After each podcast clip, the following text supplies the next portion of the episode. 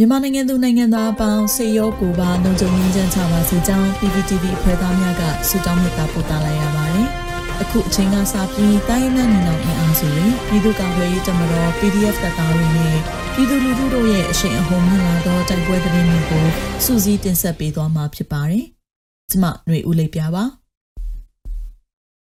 ပထမဆုံးအနေနဲ့ဖရူဆိုရင်တိုက်ပွဲပြင်းထန်ပြီးစစ်ကောင်စီဘက်မှဆဲဦးထမနဲ့တိတ်ဆုံးပြီးလက်နက်ရှစ်လက်နဲ့ခေရန်အများပြားသိမ်းဆည်းရမိတဲ့သတင်းတင်ဆက်ပါမယ်။ကရင်ပြည်နယ်ဖရူဆိုမြို့နယ်တွင်ဇွန်လ10ရက်နေ့မှဇွန်လ13ရက်နေ့အတွင်းတိုက်ပွဲများပြင်းထန်ခဲ့ပြီးစစ်ကောင်စီဘက်မှဆဲဦးထမနဲ့တိတ်ဆုံးကလက်နက်ရှစ်လက်နဲ့ခေရန်အများပြားသိမ်းဆည်းရမိကြောင်း KNDF ကသတင်းထုတ်ပြန်ပါတယ်။ဇွန်လ10ရက်နေ့မှ13ရက်နေ့အတွင်း ကရင်ပြည်နယ်ဖရူဆိုမြို့နယ်ဒေါ်ကြီးခူချေရွာနှင့်ထီပေါ်ဆိုချေရွာတဝိုက်တွင် KA KNDF B02 B04 V08 P15 ပူပေါင်းတရင်များနှင့်အကြံဖက်စစ်တပ်တို့တိုက်ပွဲပြင်းထန်ခဲ့ကြောင်းတရက်လျင်တိုက်ပွဲ၃နာရီကြာမြင့်ခဲ့ပြီး၎င်းတိုက်ပွဲများအတွင်အကြံဖက်စစ်ကောင်စီဘက်မှ၁၀ဦးထပ်မံတေဆုံးပြီးစစ်သားများတရံအမြောက်များရရှိခဲ့ကြကြောင်းပူပေါင်းတပ်များဖက်မှမစိုးရင်ရတရံနှင့် လက်နက်ခဲယမ်းများတင်ဆက်ရမိခဲ့ကြောင်းသတင်းရရှိပါသည်။ထို့ကြောင့်လက်ရှိဖရူဆိုမြို့နယ်တွင်တိုက်ပွဲပြင်းထန်နေသောကြောင့်တိုက်ပွဲဖြစ်ပွားရာနေရာများသို့ပြည်သူများတွာလာခြင်းမပြုလုပ်ကြပါရန် KNDF ကတိုက်တွန်းချက်ထုတ်ပြန်ထားပါတယ်ရှင်။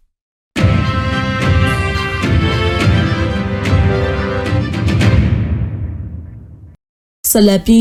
မြင့်မှုတောချောင်းဦးကျေးရွာရဲကင်းစခန်းကိုဒရုန်းဖြင့်တိုက်ခိုက်မှုစစ်ကောင်စီတပ်ဖွဲ့ဝင်2ဦးသေဆုံးတဲ့တဲ့ရင်ဆက်လက်တင်ဆက်မှာပါ။စကိုင်းတိုင်းမြင်းမှုမြို့နယ်တောချောင်းဦးကျေးရွာရှိရဲကင်းစခန်းကို PDF တပ်များကဒရုန်းဖြင့်ပုံကျဲတိုက်ခိုက်ရာစစ်ကောင်စီတပ်ဖွဲ့ဝင်2ဦးသေဆုံးကြောင်းဒေသကာကွယ်ရေးတပ်များ၏ထုတ်ပြန်ချက်အရသိရှိရပါသည်။ဇွန်လ17ရက်နေ့စနေနေ့ညနေအချိန် GTR MMU Germany Revolution Force စကိုင်းခရိုင်တရင်1 မဟာမိတ်သုံးဖွဲ့ပူးပေါင်း၍တိုက်ခိုက်ခြင်းဖြစ်ကြောင်းစစ်ကောင်စီတပ်ဖွဲ့ဝင်2ဦးသေဆုံးကြောင်းသတင်းရရှိရပါတယ်ရှင်။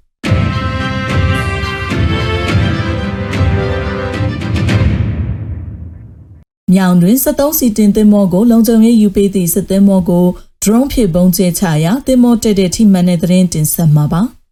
စကိုင်းတိုင်းမြောင်မြို့နယ်စီမီခုံစိတ်ကမှအေယာဝတီမြစ်ကြောင်းအတိုင်းခုံမောင်းလာသောစစ်ကောင်စီ၏စီတင်သင်းမောအတွက်လုံခြုံရေးယူလိုက်ပါလာသည့်စစ်သင်းမောကိုယနေ့ညနေပိုင်းတွင်မြောင်မြို့နယ်မှမဟာမိတ် LDF များကဒရုန်းဖြင့်အီနာကပုံကျဲချကြောင်းတဲတဲမမတ်ထိမှန်သွားကြောင်းမြောင်မြို့နယ် LDF များထပ်မံသိရှိရပါသည်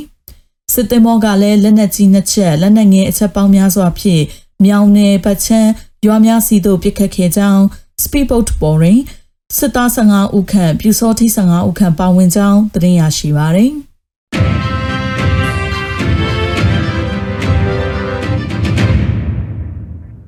ကြိုက်ထုတ်ဂူကူကျေးရွာတွင်ဖြစ်ပွားသောတိုက်ပွဲတွင်စစ်သား3ဦးသေဆုံးပြီးလူနယ်တင်ကား3စီးဖြင့်ဒဏ်ရာရသူများကိုလာကောက်သွားတဲ့သတင်းဆက်လက်တင်ဆက်မှာပါ။မွန်ပြည်နယ်ကြိုက်ထုံမြို့နယ်ကူကူကျေးရွာတွင် KNL PDF ပူးပေါင်းတပ်များနှင့်အကြမ်းဖက်စစ်ကောင်စီတပ်များကြားတိုက်ပွဲဖြစ်ပွားပြီး စစ်သား3ဦးသေဆုံးကဒဏ်ရာရရှိသောစစ်သားများကိုလူနာတင်ကား3စီးဖြင့်လာရောက်ကောက်ယူသွားကြောင်းပြည်သူ့ကာကွယ်ရေးတပ်မတော်တရင်3တထုံခရိုင်မှတာဝန်ရှိသူတဦးကပြောဆိုပါတယ်။ဇွန်23ရက်နေ့မွန်းလွဲ2:32မိနစ်အချိန်ချိုက်ထုံမြို့နယ်ကူကူချေရွာအနီးနယ်မြေကျူးကျော်ဝင်ရောက်လာသောစစ်ကောင်စီတပ်များကိုပြည်သူ့ကာကွယ်ရေးတပ်မတော်တရင်3နှင့် KNU KNL ပူးပေါင်းတပ်ဖွဲ့များမှခြုံခိုတိုက်ခိုက်ရာနှစ်ဖက်ထိတွေ့မှုများဖြစ်ပွားကြောင်း တိုက်ပွဲကြချိန်10မိနစ်ခန့်ကြာမြင့်ခဲ့ပြီးတိုက်ပွဲတွင်ပြည်သူ့ကာကွယ်ရေးတပ်မတော်မှရဲဘော်တအူထိခိုက်ဒဏ်ရာရရှိခဲ့ပြီးမစိုးရင်ရကြောင်းစစ်ကောင်စီဘက်မှ3ဦးသေဆုံးကြောင်းသေဆုံးသူများကိုလူနာတင်ကား3စီးဖြင့်တည်ယူသွားကြောင်းသိရှိရပါသည်လာဒူမွန်ပြည်နယ်တထုံခရိုင်တထုံမြို့နယ် KNL တရင်နှင့်နယ်မြေအတွင်းရှိ ဝီရောထုံးဘိုလေးပိနေတော်လမ်းပိုင်းတွင် KNL ဦးဆောင်သည့်မိဖက်တပ်ဖွဲ့များနှင့်စစ်ကောင်စီလက်အောက်ခံတပ်များယနေ့နနက်6:20မိနစ်အချိန်မှစတင်၍ယခုအချိန်ထိတိုက်ပွဲများဖြစ်ပွားလျက်ရှိကြောင်းစစ်ကောင်စီလက်အောက်ခံတပ်များကလက်နက်ကြီးအခြေရည်ပေါင်းများစွာရန်တမ်းပစ်ခတ်နေပြီးအနီးအနားရှိကျေးရွာများအတွင်းသို့ကြားရောက်ပောက်ကွဲလျက်ရှိပါသဖြင့်ပြည်သူများအထူးသတိပြုရှောင်ရှားနိုင်ပါရန် KNU ဒူးတထု မိတ်ကုကော်မဒီယနေ့နနက်ပိုင်းတရဝင်သတင်းထုတ်ပြန်ပါတယ်။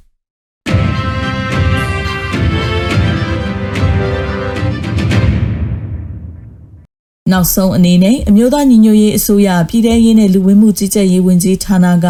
2022ခုဇွန်လ14ရက်ရက်စွဲနဲ့ထုတ်ပြန်တဲ့ပြည်သူ့ခုခံတော်လှန်စစ်သတင်းအချက်အလက်တွေကိုဆက်လက်တင်ဆက်သွားမှာပါ။